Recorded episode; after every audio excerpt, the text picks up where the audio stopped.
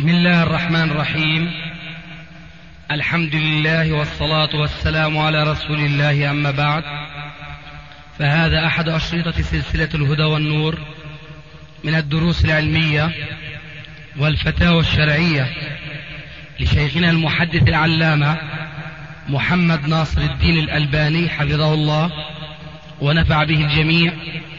قام بتسجيلها والتأليف بينها محمد بن أحمد أبو ليلى الأثري. إخوة الإيمان والآن مع الشريط الخامس والتسعين بعد المئة السابعة على واحد تحت عنوان قراءة في كتاب السبيل للشيخ عدنان عرعور.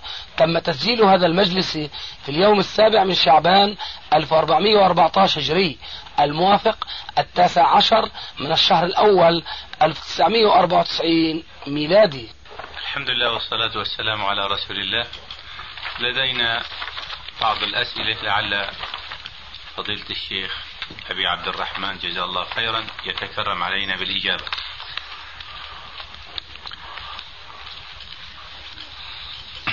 السؤال الأول هل يمكن من باب التعليم والتدريس أن نقول أن الإسلام عقيدة ومنهج وشريعة وأخلاق استدلالا ببعض النصوص؟ من الكتاب والسنة كقوله تعالى لكل جعلنا منكم شرعة ومنهاجا. وقوله صلى الله عليه وسلم ثم تكون على منهاج النبوة عن الخلافة في آخر الزمان. وقوله صلى الله عليه وسلم إذا أتاكم من ترضون خلقه ودينه فزوجوه. فهنا في عطف الكل على الجزء وأحيانا الجزء على الكل. فهل يمكن من باب التدريس والتفصيل ذكر مثل هذا؟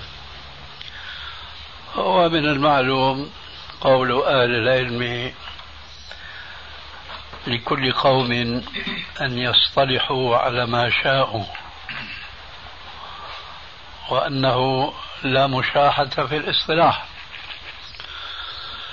فإذا اصطلح ناس على بعض التعابير والألفاظ وكانت لا تخالف الشريعة. فلا نرى من ذلك مانعا إطلاقا بل لعل ذلك من باب كلموا الناس على قدر عقولهم. ومع أصول الفقه وعلوم النحو والصرف ونحو ذلك مما يسمى بعلوم الآلة إلا من باب الاصطلاح لتيسير وصول العلم إلى أذهان الناس لا سيما بعد أن ظهرت الغربة في المسلمين. فإذا كان الاصطلاح لا يخالف الشرع فذلك من باب التيسير على الناس بالوسائل التي تحدث في هذا الزمان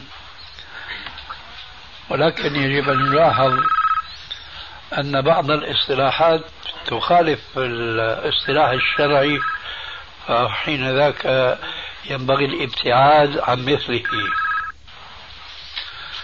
نعم. إيه هنا لفت نظر إلى مسألة وهي مثلا لفظة الكراهة استعملت في بعض كتب الفقه بمعنى التنزيه وهي في القرآن بمعنى التحريم. فمثل هذا الاصطلاح ينبغي الابتعاد عنه أما إذا اصطلح على ألفاظ لا توهم مخالفة للشريعة فما أظن أحدا من أهل العلم يقول بعدم جوازها. يا الله يا كريم. طيب غيره شو عندك؟ عندنا بعض القواعد يمكن نسردها سريعا. في ما حدث من الفتنة في مسألة التبديع. فنعرضها عليكم.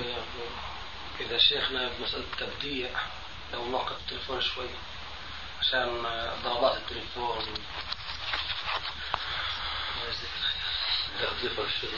طبعا عشان طيب نسمع ليكون في عندك أشرطة. حول هذا الموضوع. ممكن نسمع؟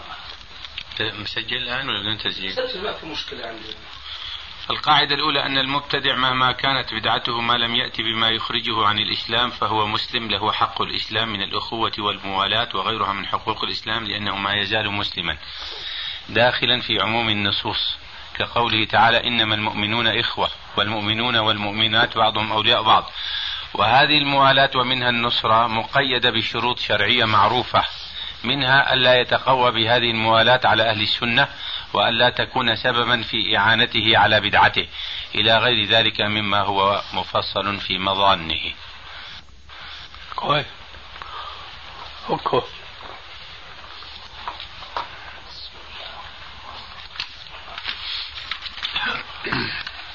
تسجل هذا؟ نعم. الحقيقة أن هذا السؤال هو جيد ولا يشك أي عالم في صحته. آه، لكن لعله ينبغي أن يضاف إلى القيود المذكورة آنفا أن لا يكون هذا المبتدع من شأنه الابتداع في الدين أولا وثانيا أن لا يكون داعية لبدعته. القاعدة الثانية كما أنه ليس كل من أتى بكفر فهو كافر وليس كل من أتى بفسق فهو فاسق وليس كل من أتى بجاهلية فهو جاهلي أو جاهل. وكذلك ليس كل من أتى ببدعة فهو مبتدع لأن ثمة فرقا عند أهل السنة والجماعة بين من وقع في البدعة وبين من أحدث البدعة وتبناها ودعا إليها وهذا أمر متفق عليه وليس ها هنا محل تفصيله.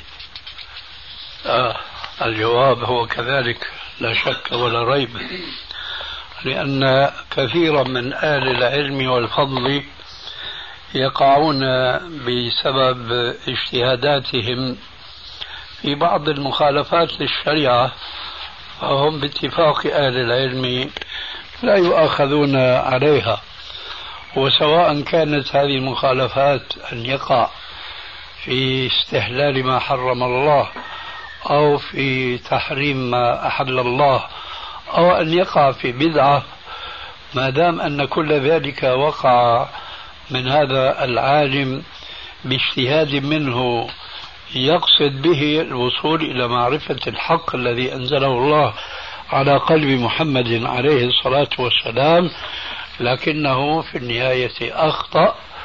ولا شك أنه ليس مأزورا بل هو مأجور أجرا واحدا كما جاء في ذلك الحديث الصحيح. المروي في البخاري عن النبي صلى الله عليه وآله وسلم أنه قال إذا حكم الحاكم فاجتهد فأصاب فله أجران وإن أخطأ فله أجر واحد. وبعض العلماء يفرقون بين أن يعذر المجتهد فيما إذا أخطأ في الفروع دون الأصول. هذا التفريق لا نجد له أصلا ولا دليلا في الكتاب والسنة لأن العلة هو إما أن يقصد الحق فأخطأه فهو مأجور أو لا يقصد الحق فهو مأجور ولو كان في الفروع دون الأصول. هذا الكلام صحيح جدا ولعله يحسن أن ندعم ذلك بالحديث الذي رواه البخاري آه، من حديث أبي سعيد الخدري رضي الله تعالى عنه أن رجلا ممن كان قبلكم حضرته الوفاة فجمع أولاده حوله فقال لهم أي أب كنت لكم؟ قالوا خير أب. قال فإني مذنب مع ربي ولئن قدر الله علي ليعذبني عذابا شديدا. فإذا أنا مت فخذوني وحرقوني بالنار ثم ذروا نصفي في الريح ونصفي في البحر. فلما مات الرجل حرقوه بالنار وذروا نصفه في الريح والنصف الآخر في البحر. فقال الله عز وجل لذراته كوني فلانا فكان. ثم قال الله عز وجل له أي عبدي ما حملك على ما فعلت؟ قال يا ربي خشيتك. قال فقد غفرت لك. فهذا رجل وقع في الكفر. مع ذلك غفر له ذلك لأنه لم يكن قاصدا الكفر لكن من هول تصوره للعذاب الذي سيلقاه بعدل الله عز وجل صدر منه هذا الكفر. فلما علم الله عز وجل ما في قلبه قال الله له قد غفرت لك. من هنا اتفق أهل السنة على أن الكفار الذين ماتوا كفارا ولم تبلغهم الدعوة فهم ليسوا معذبين لأن الحجة لم تقم عليهم. ولذلك فإذا كان هناك رجل عالم مسلم أخطأ في مسألة ما سواء كانت هذه مسألة أصولية أو عقدية أو كانت حكما شرعيا فرعيا الله عز وجل لا يؤاخذه إذا علم منه أنه كان قاصدا معرفة الحق. فهو هذا هو الجواب إن شاء الله. القاعدة الثالثة ليس كل مبتدع يهجر أو يضلل بل أن يفسق أو يكفر بل إن له شروطا. قد ذكرها أهل التحقيق من أمثال الإمام الشاطبي والإمام تيمية عليهم رحمة الله. آه، فهل هذا صحيح؟ نعم هذا صحيح وسبق الجواب عنه. القاعدة الرابعة ليست البدع سواء. فهي تبدأ من بدع الوسائل والعادات إلى بدع العبادات والأفكار والاعتقادات. وإن كان كلها بدعا وكلها ضلالة ولكن الضلال يتفاوت كما يتفاوت الفسق والكفر. لا ما ينبغي إدخال العادات بدع العادية. ما ينبغي إدخالها في هذا المجال. إذا قصد بالعادة تعبدا. هذا قيدته الآن أنت لفظا فقيده كتابة. وإلا فالعادات كما قال عليه السلام أنتم أعلم بأمور دنياكم. إيه. العادات آه، الأمر فيها واسع جدا. لكن إذا ما قصد بها كما قلت أخيرا التعبد فحينئذ صارت عبادة وخرجت عن كونها هذا. الإمام الشاطبي قيدها إذا إذا كان يقصد بها ما يقصد بالطريقة الشرعية. إذا كان يقصد بها ما يقصد بالطريقة الشرعية. إذا ماذا يقصد؟ العبادة. لكن بالنسبة للأصل غير مسألة أنا, أنا ما أنا ما أرى حشر العادة هنا العبارة. أعد علينا العبارة في الأخير سواء إيش؟ كانت في الأصول أو في العقيدة أو في إيه ليست البدع سواء. طيب كلام هي تبدأ من بدع الوسائل والعادات إلى بدع العبادات والأفكار والاعتقاد.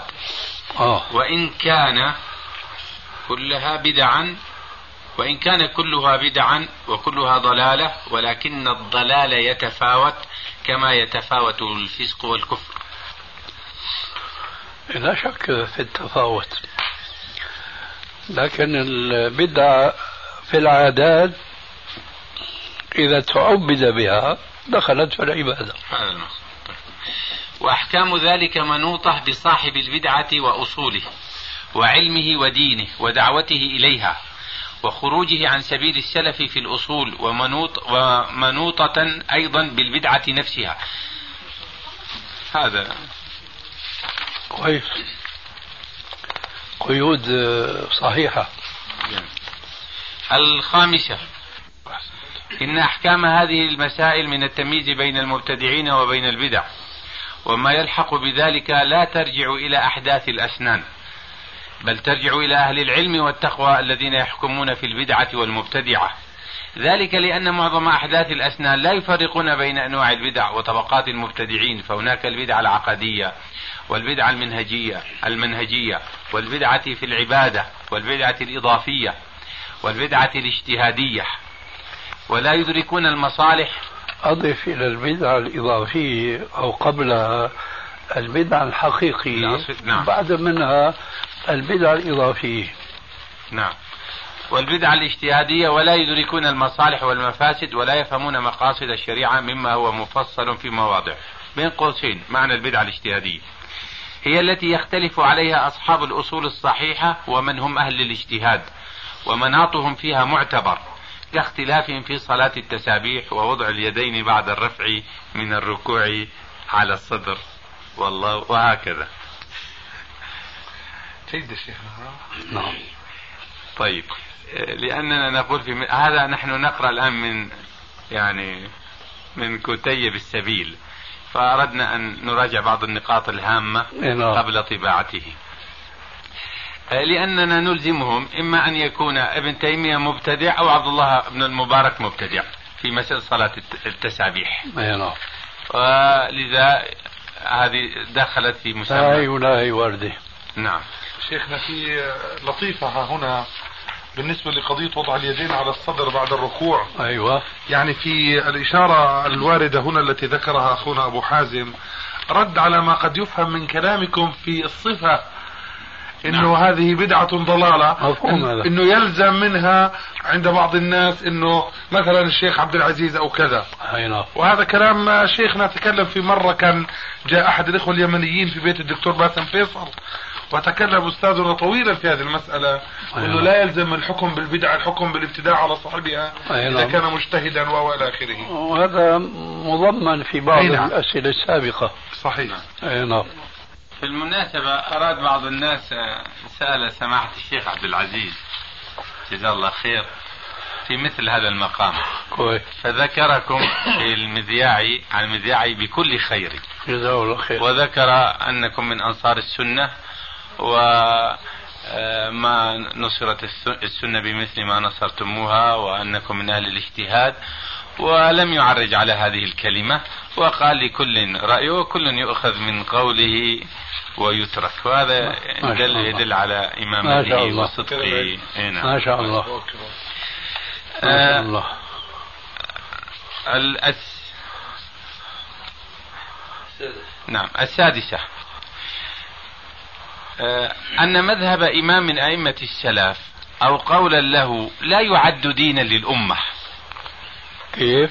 أن مذهب إمام من أئمة السلف أو, قل أو قولا له لا يعد دينا للأمة ولا مذهبا لها فضلا عن أن يكون عالما ومعاصرا إلا أن يقوم عليه دليل قطعي الثبوت واضح الدلالة أو إجماع متيقن وحكاية رواية عن إمام في مبتدع. لا تعدو أن تكون حكما عينيا. لا يضطرد ذلك الحكم على كل مبتدع. كذا قال قامع المبتدعين والغالين. شيخ الإسلام رحمه الله في الفتاوى. ما شاء الله.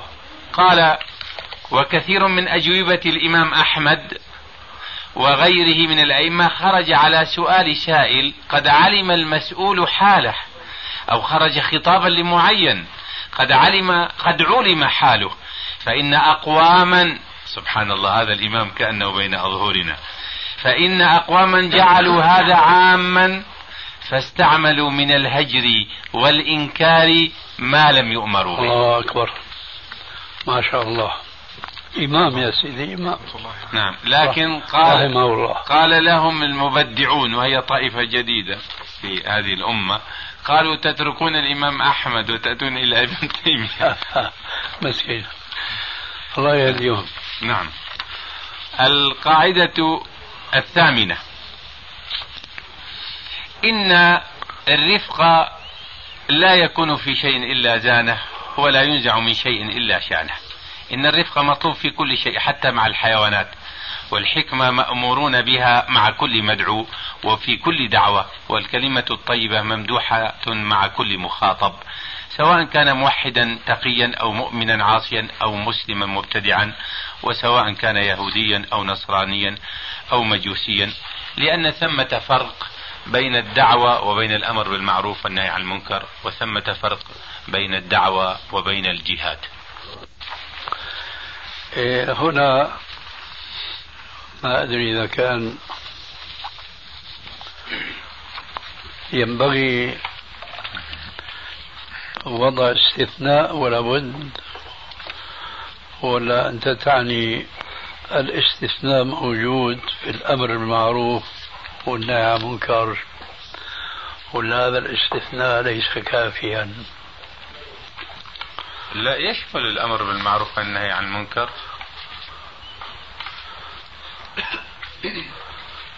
أقصد اللين. هل هو أمر مضطرد؟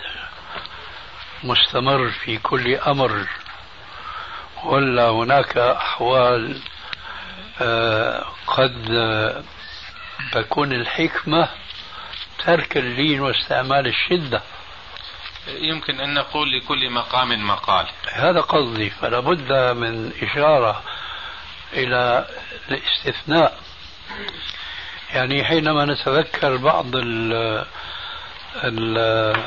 الأحاديث والوقائع التي وقعت من الرسول عليه الصلاة والسلام آه، فيها شدة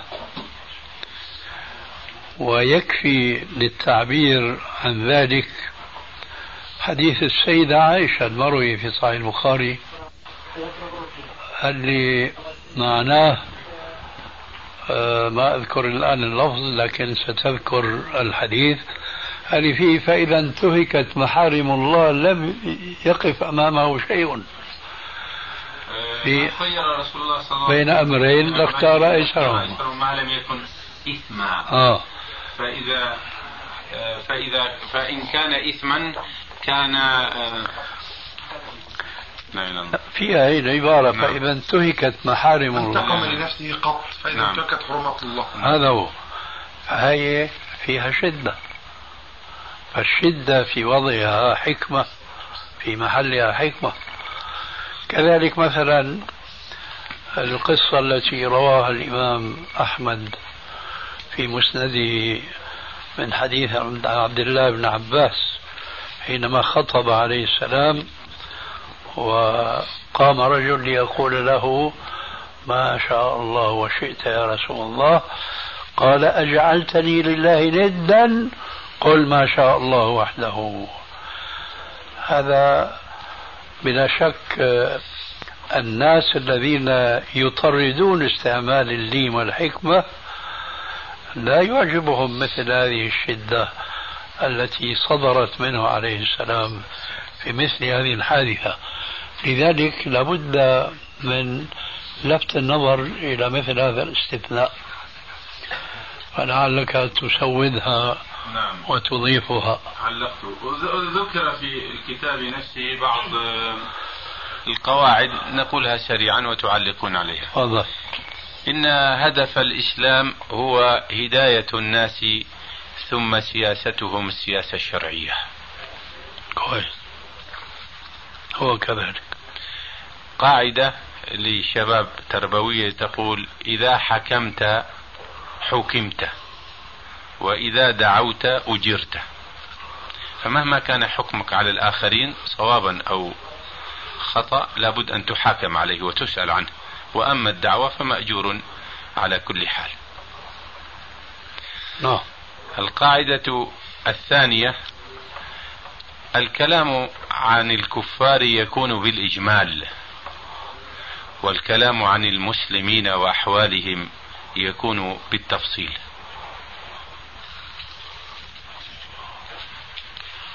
هذا فيه نظر. نعم. الإجمال الكلام عن الكفار يكون بالإجمال ليس دائما. هذه كقاعدة. لكن لا بأس أن يستثنى أحيانا مرة أو مرتين. لكن كقاعدة عامة أنه لا يستفصل كل شيء عن الكفار على منابر المسلمين. كل شيء عنهم عن أحوالهم بحيث يغلب هذا عن أحوال المسلمين.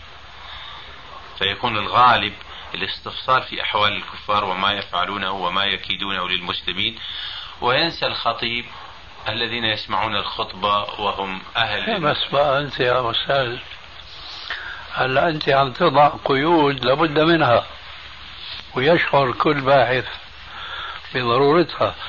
أما حينما تضع قاعدة وهي مطلقة ما في هذه القيود فهي قد تفهم السامع خلاف ما تقصد.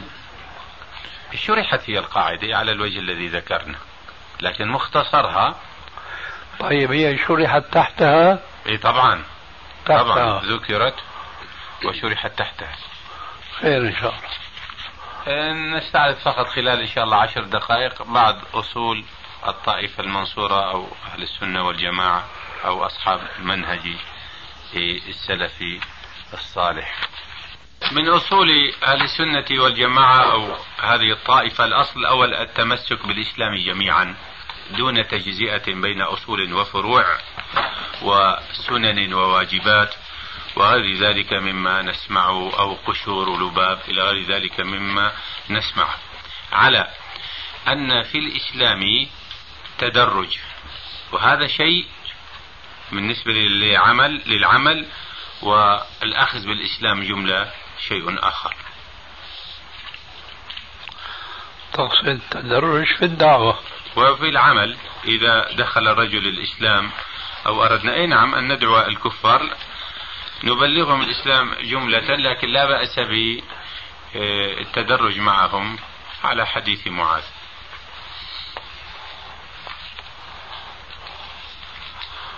في الدعوة. في الدعوة. أي. لكن إذا رجل أراد أن يبدأ هو العمل بعد دعوته من الكفار يبدأ أولا بالتوحيد. فهو بالنسبة لنا دعوة لكن بالنسبة للداخل الإسلام ندعو إلى الإسلام فمن عمله ويقبل التوحيد ثم من عمله الصلاة وهكذا. يعني هما واحد. إذا دعي الكافر إلى الإسلام بالتدرج صار العمل بالتدرج تلقائيا. لا مو شرط. يعني المدعو الذي استجاب لدعوة الإسلام ما لازم هو بقى نحن نفرض عليه التدرج. نحن نفرض على أنفسنا أن تكون دعوتنا على حديث معاذ الذي أشرت إليه. لكن هذا الذي آه، تقبل دعوة الإسلام ودعوة التوحيد وأراد أن يتوسع في العمل بالإسلام بين الفرائض وبين مستحبات ومندوبات. ما بقول له لا أنت خليك هلا بالفرائض. طبعا نعم. إذا في الدعوة. الأصل الثاني نعم. الدعوة إلى التوحيد أولا والتمسك بالأخلاق ثانيا. التمسك بالأخلاق ثانيا. والعبادات. آه. هنا لفتنا النظر إلى بس مسألة مهمة لأن بعض الناس يظنون ذكرنا هذا في التفصيل. آه. لا بد من هذا. وذكرنا قاعدة تحت هذا الأصل وهي إصلاح تصحيح عقائد الناس وإصلاح عبادتهم وتحسين سلوكهم. كويس. طيب الأصل الثالث. ديننا دين اتباع لا دين فكر وابتداع. وفرقنا بين الفكر الذي يخالف الكتاب والسنة والتفكر الذي أمرنا به بالكتاب والسنة. هذا شيء وذا شيء آخر. أكيد. طيب. الأصل الرابع السمع والطاعة. وطبعا هناك تفصيل جدا و آه، في مثل هذا المقام لا يخفى على أمثالكم. الأصل الخامس إذا صح النقل سلم العقل. وقلنا أو شهد. وسلم وجدناها أبلغ من شهد. أو أنهما واحد. لا أصرف عن كلمة شهد. أصرف. طيب. أصرف. هل صح؟ إذا صح النقل سلم العقل. أي نعم آه قلنا هذه القاعدة وسط بين قاعدتين ضالتين الأولى تقول إذا ورد النقل حكم العقل. فهم يختلفون معنا في مسألتين. الأولى إذا ورد النقل لا يصححون ولا يضعفون. والثاني يجعلون العقل حكما. وهذه طريقة المعتزلة. نعم. والقاعدة الثانية الضالة في الطرف الآخر إذا ورد النقل بطل العقل. وهي ما يعتمد عليه الشيعة بس في أحد يقول بطل العقل؟ هم هكذا. لا هو اللي يقولوه إذا ورد الأثر بطل النظر. إيه، ربما أتينا بالكلمة للسياق. لكن فيها مبالغة. يعني أنت أنهم إذا ورد الأثر نعم بطل النظر هذا قصدي. إيه، هذا كلام صحيح. أي نعم. طيب. إذا ورد الأثر بطل النظر. صحيح أي أما العقل؟ لا. إذا ورد الأثر بطل النظر هذا عند أهل السنة والجماعة. هذا هو. إيه، يعني لا ينظرون في إيه، أنا نعم. أقول بناء على قولك أنه في قول يقول إذا جاء النقل بطل العقل. من يقول هذا؟ أقول الشيعة هذا مذهبهم بأنهم يقبلون تلك الروايات دون إعمال عقلهم في السند دون إعمال عقلهم في الصحة دون تشغيل فكرهم ونظرهم. هنا نلاحظ شيء. إذا تكلمنا عن أنفسنا تكلمنا بأي عبارة شئنا. أما إذا تكلمنا عن غيرنا ليس فيما نفهم منهم وإنما فيما ننقل عنهم. فهل هناك منهم؟ إن كانوا زيدية ولا شيعة ولا رافضة ولا ولا أيا كان من الفرق الضالة هل فيهم من يقول بطل العقل؟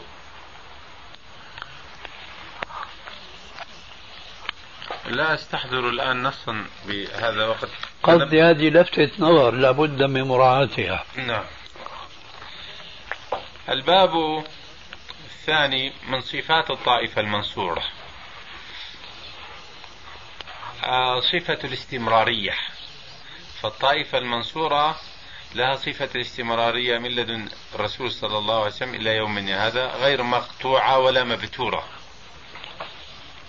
فليس لها مؤسس بعد النبي صلى الله عليه وسلم ولا راعي ولا إمام سوى الرسول صلى الله عليه وسلم ومن سلك هذا المسلك.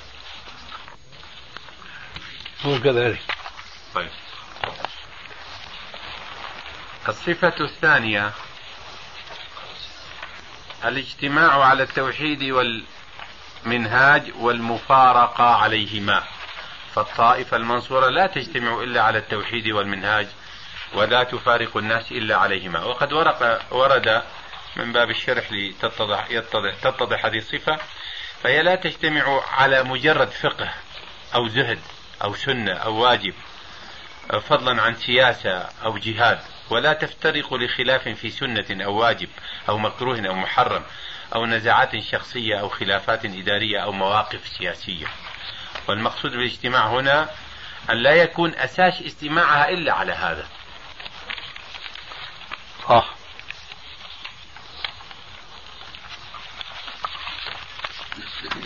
الصفة الثالثة الشمولية في دعوة الناس كافة. فالطائفة الناجية التي تشمل دعوتها كل عباد الله فلا تخص طبقة دون طبقة ولا فئة دون فئة. هكذا كانت دعوة الرسل وهكذا كانت دعوة رسولنا صلى الله عليه وسلم. تشمل الغني والفقير والعظيم والصعلوك والشريف والوضيع. إلى غير ذلك.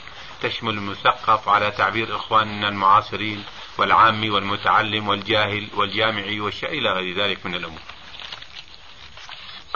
وكذلك وما أرسلناك إلا كافة للناس بشيرا ونذيرا. هناك مفاهيم نختصرها وأعني بالمفاهيم التي يجب على الطائفة المنصورة أن تسلك سبيلها في تغيير هذا المجتمع. المفهوم الأول كل ما أصابنا بما كسبت أيدينا. وهذا لا يعني تبرئة الكفار مما يفعلون. نعم. الأصل المفهوم الثاني تغيير واقعنا إنما يكون بتغيير أنفسنا أولا. هو كذلك. المفهوم الثالث تربية الفرد ووحدة الصف قبل مناجزة العدو. تلك سنة رسول الله. آه، انتهينا من بعض هذه الفصول التي ذكرناها وإن شاء الله س آه، نقيد ما ذكرتموه في تصحيح أو ضبط بعض العبارات. إن شاء الله.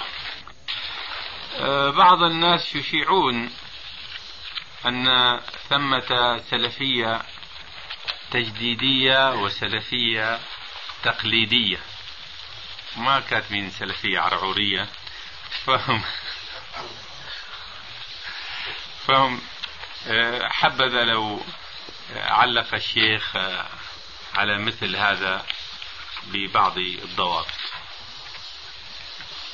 ماذا نقول؟ السلفية هي الإسلام بالمفهوم الصحيح الذي كان عليه رسول الله صلى الله عليه وسلم وأصحابه. فما في هنا سلفية قديمة وسلفية حديثة إلا إذا قصد بها طائفة معينة آه، تنتمي إلى شخص أو أشخاص معينين ولا ينتهجون منهج السلف الصالح في فهم نصوص الكتاب والسنة آه، على ما كان عليه السلف الأول المشهود لهم بالخيرية في الحديث الصحيح بل المتواتر ألا وهو قوله عليه السلام خير الناس قرني ثم الذين يلونهم. ثم الذين يلونهم ونحن نلاحظ في العصر الحاضر التفنن في استعمال بعض الألفاظ للفت أنظار الناس إلى هؤلاء المستعملين لها وهي في الواقع لا تعبر عن منهج علمي صحيح. الدعوة السلفية تختلف كل الاختلاف عن الدعوات الأخرى الحزبية.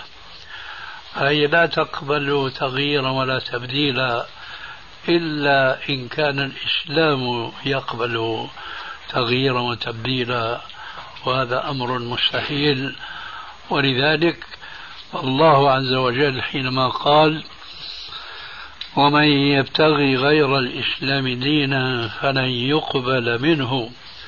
وهو في الآخرة من الخاسرين نعتقد أنه لا يعني بهذا الإسلام الذي لا يرضى به بديلا إسلاما بمفاهيم شتى وإنما يعني الإسلام الذي أنزله الله تبارك وتعالى على قلب محمد عليه الصلاة والسلام ثم تولى هو بيانه للناس تجاوبا منه مع قوله عز وجل إياه وأنزلنا إليك الذكر لتبين للناس ما نزل إليهم.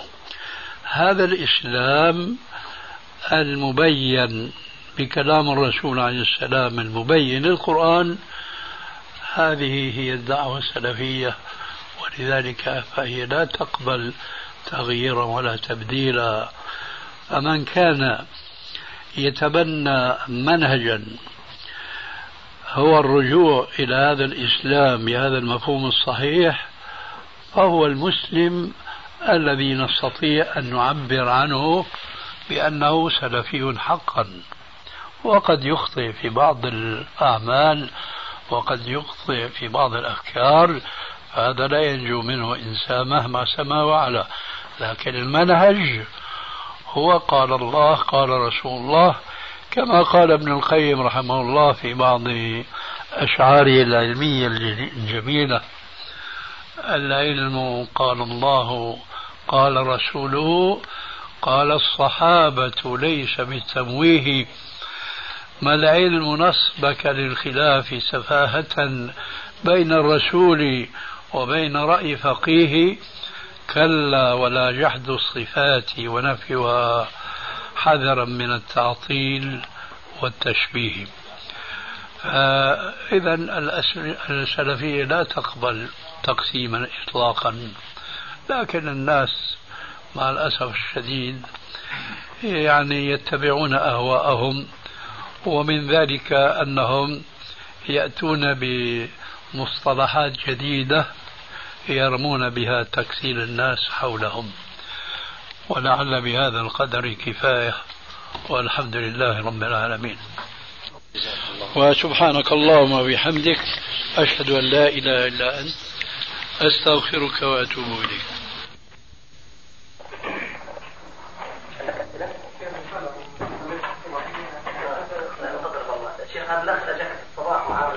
رسالة من ليبيا. إيه، أيضا هذه رسالة فيها عشر فيها عدة أسئلة. تفضل. الحمد لله والصلاة والسلام على رسول الله. فضيلة الشيخ آه، أتيت أنا ببعض أسئلة واستفسارات من طلبة هناك عندنا في عدن بشكل خاص. وهناك استفسارات عديدة وأنا إن شاء الله سأختصر بعضها. فأقول اختر الأهم فالأهم. إن شاء الله.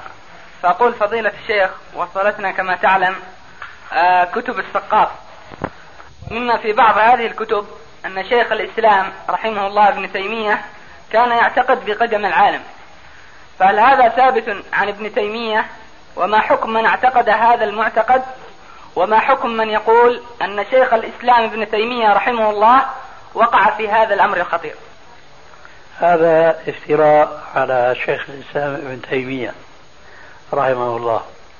آه، لأن المتبادر إلى الذهن آه، من كلمة القول بقدم العالم أن العالم أزلي كالخالق عند المسلمين. وحاشا لأقل المسلمين علما وإيمانا أن يقول بقدم شيء من المخلوقات. إنما الله هو الأزلي الأول والظاهر والباطن وهو خالق كل شيء. فمن باب أولى أن لا يقول بذلك عالم مسلم ومن باب أولى وأولى وأولى إلى ما لا نهاية أن يقول بذلك شيخ الإسلام ابن تيمية رحمه الله. فالقول بقدم العالم هو قول الفلاسفة الدهريين. الذين لا يؤمنون بالإله الرب الخالق. وابن تيمية رحمه الله له يعني آه، مجاهدات كبيرة جدا جدا دون كثير من علماء المسلمين في الرد على الفلاسفة والدهريين القائلين بقدم العالم.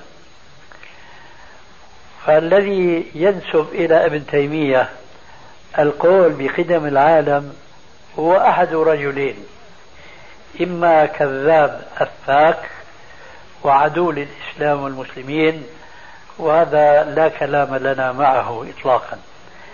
وإما أن يقرأ كلاما لابن تيمية يفهم منه بسبب جهله أولا وبسبب الحقد والبغض الذي هو كمين في قلبه ضد شيخ الإسلام ابن تيمية فيتوهم من بعض كلماته أنه يقول بقدم العالم. وابن تيمية أكبر كما أشرنا من أن يقع في مثل هذه الكفرية. آه، أظن في شيء جاء في سؤالك أيضا لم أجيب عنه. وما حكم من اعتقد هذا المعتقد؟ سبق الجواب. آه. قلت هذا كلام الداريين والفلاسفة الذين رد عليهم ابن تيمية في كتبه. في شيء آخر في نفس لا. السؤال؟ لا لا. طيب. نعم غيره. سؤال آخر. فضيلة الشيخ هناك من يزعم أن التأويل والتفويض كان من منهج السلف الصالح في العقيدة. هل هذا الأمر صحيح؟ وهل ثبت عن أحد من السلف التأويل أو التفويض؟ وما حكم من يؤول أو أو يفوض؟ أولا يبدو لي أن هناك كثير من الشباب فعلا متأثر بكتب هذا الثقاف الذي سماه بعضهم بحق بالسخاف فإن هذه الشبهات التي تثار في هذا الزمان هو أصلها هذا الثقاف الذي يعيش في هذا البلد. أولا علماء السلف القاعدة عندهم هو عدم التأويل. وعدم التفويض. وإنما هو تفسير الآيات والأحاديث تفسيرا يدل عليه علمهم باللغة العربية وآدابها. فهم يفسرون مثلا النزول بالنزول ولا يؤولونه ويفسرون الاستواء بالاستواء وهو الاستعلاء ولا يؤولونه وإنما يؤول الخلف الذين خالفوا السلف. ولكن وهذا طبعا يحتاج إلى بيان وتفصيل ولنا أشرطة كثيرة في هذا المجال. خضنا فيها يعني إلى حد كبير في ضرب الأمثلة. لكني أقول الآن قد يوجد لبعض السلف تفسيرا أو تفسير لبعض النصوص من القرآن أو السنة يتوهم هؤلاء المؤولة الذين خالفوا السلف بأنه تأويل وهو ليس من التأويل بسبيل. وأريد أن أذكر شيئا هنا حول كلمة التأويل. التأويل له معنيان أحدهما لغوي والآخر عرفي. أما التأويل بمعنى اللغة اللغوي فهو بمعنى التفسير تماما هو البيان. وما يعلم تأويله إلا الله أي ما يعلم ما يؤول إليه وما يعود إليه. هذا معنى لغوي. أما التأويل الآخر اللي هو عرفي أي اصطلاحي فهو بمعنى إخراج دلالة النص عن الظاهر إلى معنى غير متبادر. هذا التأويل هو الذي يقصد في كلام علماء الكلام. على هذا نقول إذا فسر بعض السلف آية في القرآن الكريم بخلاف ما يفهمه بعض المتأولة يقولون ها هي السلف أول. والحقيقة أن هذا الذي يسمونه تأويلا أي إخراج للنص عن معناه الظاهر هو ليس تأويلا إنما هو التفسير. يعني مثلا ما ذكر في تفسير ابن كثير وغيره عن ابن عباس في تأويل آية وهو معكم أين ما كنتم قال ابن عباس وهو معكم بعلمه بعلمه. هذا ليس تأويلا. هذا تفسير لأنه نظر إلى سياق الآية من أولها إلى آخرها فانتبه إلى أن الله عز وجل يتحدث عن المعية العلمية وليس عن المعية الذاتية التي يظهر من هذه الجملة أن المقصود وهو أي بذاته. ليس هذا الذي يتبادر من دراسة الآية من أولها إلى آخرها. وإنما المتبادر أنه ربنا عز وجل عنا المعية العلمية. فهذا ورد عن ابن عباس. فهم يتشبثون بهذا ويسمونه تأويلا وهو ليس من التأويل في شيء. ومثل نصوص كثيرة وكثيرة جدا. مثلا إنني معكما أسمع وأرى. أيضا هذه ليست معية ذاتية وإنما هي معية صفتية. إنني معكما أسمع وأرى. معكما فسرت بما بعدها. أسمع وأرى. هذا ليس تأويلا بمعنى إخراج اللفظ عن ظاهره. وهكذا الأمثلة كثيرة وكثيرة جدا. الخلاصة هؤلاء الذين يزعمون بأن السلف أولوا إن كانوا يعنون أنهم جعلوا مذهبهم التأويل كما هو مذهب الخلف فهم يكذبون أنفسهم بأنفسهم. لأن الخلف يقولون مذهب السلف أسلم. ما هو مذهب السلف؟ هو أنهم لا يؤولون. ومذهب الخلف زعموا أنه أعلم وأحكم. لماذا؟ لأنهم يؤولون. فنفس العلماء الخلف يعترفون بأن السلف ما كانوا يؤولون. لكن هؤلاء لتضليل الناس اليوم وإخراجهم عن سبيل المؤمنين الأولين يزعمون بأن السلف أولوا الحقيقة أنهم ما أولوا والنصوص الكثيرة والكثيرة جدا يجدها المسلم مجموعة في كتاب الحافظ الذهبي المعروف بالعلو للعلي الغفار. وكنت أنا اختصرته وحذفت منه بعض الروايات والآثار الواهية الضعيفة.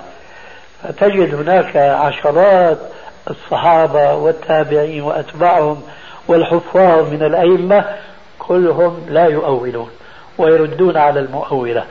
لذلك فهذا تضليل من هذا السخاف هذا لسبيل المؤمنين مشان يضلوا هؤلاء الناس الذين لا علم بما يدجل به هذا الإنسان الذي ابتلي من حوله اليوم ومن وصلت رسائله إليهم بأضاليله الكثيرة المبثوثة في رسائله. هناك استفسار لأني قرأت أنا في هذا الكتاب المدعو الثقاف. قرأت في المقدمة أنه يقول أن الإمام الذهبي رحمه الله قد ألف كتابه العلو وهو في العشرينات من عمره. فهل صحيح يا أخي بارك الله فيك أنا قلت لك في السيارة لا تقم وزنا لهذا الرجل. هذا رجل دجال. هذا رجل دجال. إذا كان ألف هذا الكتاب في أول أمره وهل مات عنه وهو راض عنه أم منكر له؟ هذا كله يعني تركيب كلام مشان توهيم على العوام. لا تقم لمثل هذا وزنا يا أخي. طيب. هذا رجل كذاب. هناك كتاب طبع حديثا ودفع شبهة التشبيه. هل يصح نسبته إلى ابن الجوزي؟ مع الأسف النسبة إلى ابن الجوزي صحيحة وابن الجوزي من بين الحنابلة جماهير الحنابلة في الصفات أشعري. ثم جاء هذا السخاف هذا فطبع هذا الكتاب على كيفه مثل ما بيقول عنها بالشام. وعلق عليه تعليقات زاد في الطين بلة وفي الطنبور نغمة. وكلما جاء ابن الجوزي بنقل عن بعض الحنابلة المتأخرين وضع هو هذا السخاف في طبعته الجديدة بين هلالين فلان مثلا ابن أبي يعلى المجسم المجسم. فالذي لا يعرف الحقيقة بيتوهم أن هذه الصفة من المؤلف هو ابن الجوزي بينما هو الذي طبع هذا الكتاب وهو الثقاف هذا هو حشر عديدا من هذه الكلمات في صفات في ترجمة كثير من الحنابلة تضليلا أيضا للعوام طيب. الكتاب صحيح النسبة إلى ابن الجوزي لكن ابن الجوزي له كلمات في تفسيره المسمى بزاد المسير يخالف كثيرا مما ذكره في هذا الكتاب. طيب فضيلة الشيخ. تفضل. الله يبارك فيكم أستاذي. شيخ الإسلام ابن تيمية ينقل في درء التعارض عن ابن الجوزي أنه رجع إلى عقيدة السلف في آخر عمره وذلك في كتاب له سماه الانتصار لأصحاب الحديث. وهناك كتاب شيخنا طبع قريبا منذ نحو عشر سنوات في مصر عندي منه نسخة. اسمه مجالس في الآيات المتشابهة. له لابن الجوزي. يثبت فيه عقيدة السلف تماما. ولعل هذا شيخنا بعد ما كتب له أبو إسحاق العلفي وهو أحد معاصريه كما ينقل ابن رجب في آه، ذيل الطبقات كتب له رسالة يعاتبه فيها وهي رسالة قوية جدا في الحقيقة و... ويشتد عليه فيها. يقول كيف تخالف إمامة؟ كيف تخالف المنهج الحق؟ كيف كذا؟ فلعل هذا يعني فلعل رجوعه أثر عن ذلك الإنكار الذي حصل في عصره. إيه هذا الكتاب أولى أن يقال بأنه ألفه ابن الجوزي في حداثة هجمه ثم رجع عنه. وهذه فائدة سجلت والحمد لله. لكني أنا رأيت له بعض الكلمات في تفسيره يخالف فيها ما ذكره. نعم. الرحمن على العرش آه. استوى يرد فيها على من أول استواء بالاستيلاء. بينما هناك مثل الاستواء هو هذا. ولذا وهذا أنا ذكرته في بعض تعليقاتي التي ستخرج. فضيلة الشيخ ما طواها السقاف في مقدمة هذا الكتاب من رد خبر الآحاد في مجال العقيدة. ما تعليقكم على هذا الأمر؟ أيضا هذا يعني أخونا مسؤول شيخ الآن يتعقب هذا الكلام كله يعني. نحن لنا رسالتين مطبوعتين من قديم. في أن حديث الآحاد تثبت به العقيدة والرد على المنكرين لذلك فإذا تيسر لكم الاطلاع عليها فيكون القضاء المبرم على مثل هذه الدعوة الباطلة فضيلة الشيخ هناك نعم. هناك بالنسبة لذكر قصة اسماء الجناح لترجمة عبد الرحمن بن مهدي ذكرها الذهبي في مناسبة لذكرها حول السؤال الأول حول التأويل والتشبيه أي كلمة تعني؟ لما ترجم الذهبي في السير لعبد الرحمن بن مهدي أن قال له جبريل ستمائة الجناح. قال قبل أن توصف الرب عز وجل فتعالى بنا يعني نطبق الوصف هذا اي نعم. هذا صحيح. مين؟ هذا الأخ جاء شيخ لو يكون له سؤال لأنه السائق الذي أحضره إلى هنا ينتظره. سائق ينتظر تفضل. إيش عندك؟ بسم الله الرحمن الرحيم والصلاة والسلام على أشرف الأنبياء والمرسلين. إلى فضيلة الشيخ المحدث محمد ناصر الدين الألباني. السلام عليكم ورحمة الله وبركاته. طبعا في مقدمة تقلل السؤال. فيما يختص بحديث الملائكة السياحة الطويل يوحي لنا معنى الحديث بأنهم كانوا يذكرون الله جماعات بصوت واحد. فما هو وجه تفسير هذا المعنى؟ وهل يؤجر الرجل جالس معهم ولو جلس لغرض ولو جلس لغرض غير ذكر الله؟ أما أن يؤجر فلا يا أخي لكن يرجى أن يؤجر حينما يحضر هذا المجلس فيطيب المجلس له فتتغير نيته السابقة التي حضرها غير قاصد العبادة فيصبح الحضور بعد ذلك بعبادة فيكتب له الأجر. أما إن تصورنا أنه حضر في أول الجلسة إلى آخرها هكذا لمصلحة مادية مثلا أو ليرى شخصا من الجالسين فالرسول يقول إنما الأعمال بالنيات وإنما لكل ما نوى فليس له أجر. أما فيما يتعلق بأول السؤال وهو أنه يبدو أن هؤلاء كانوا يذكرون جماعة وبصوت واحد فهذا يا أخي إنما يأتي من الوهم القائم بسبب وجود مثل هذه المجالس التي يرفع فيها ذكر الله يرفع فيها الأصوات في ذكر الله عز وجل جماعيا. لكن السلف الصالح ما يعرفون مثل هذا الرفع وبصوت واحد.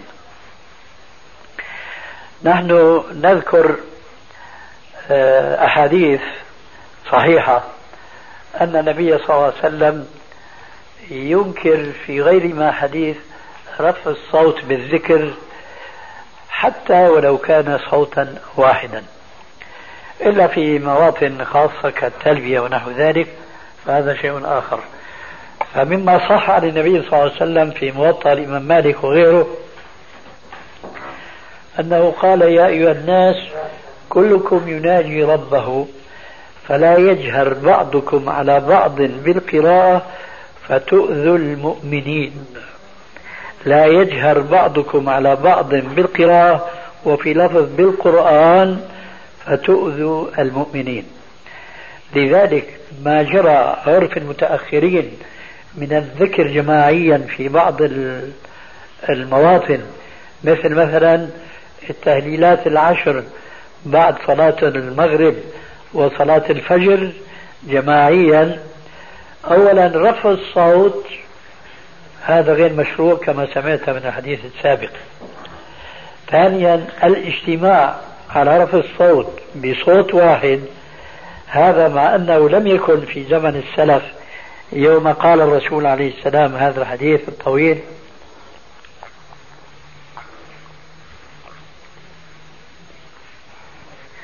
كانوا يجتمعون لذكر الله تبارك وتعالى إما بتلاوة قرآن أحدهم يقرأ والآخرون يسمعون على منهج قوله عليه الصلاة والسلام حينما قال مرة لأبي بن كعب وأخرى لعبد الله بن مسعود اقرأ علي القرآن. قال أقرأ عليك القرآن وعلي أنزل وعليك أنزل. قال إني أحب أن أسمعه من غيري. هكذا كان السلف. أحدهم يقرأ والآخرون يسمعون.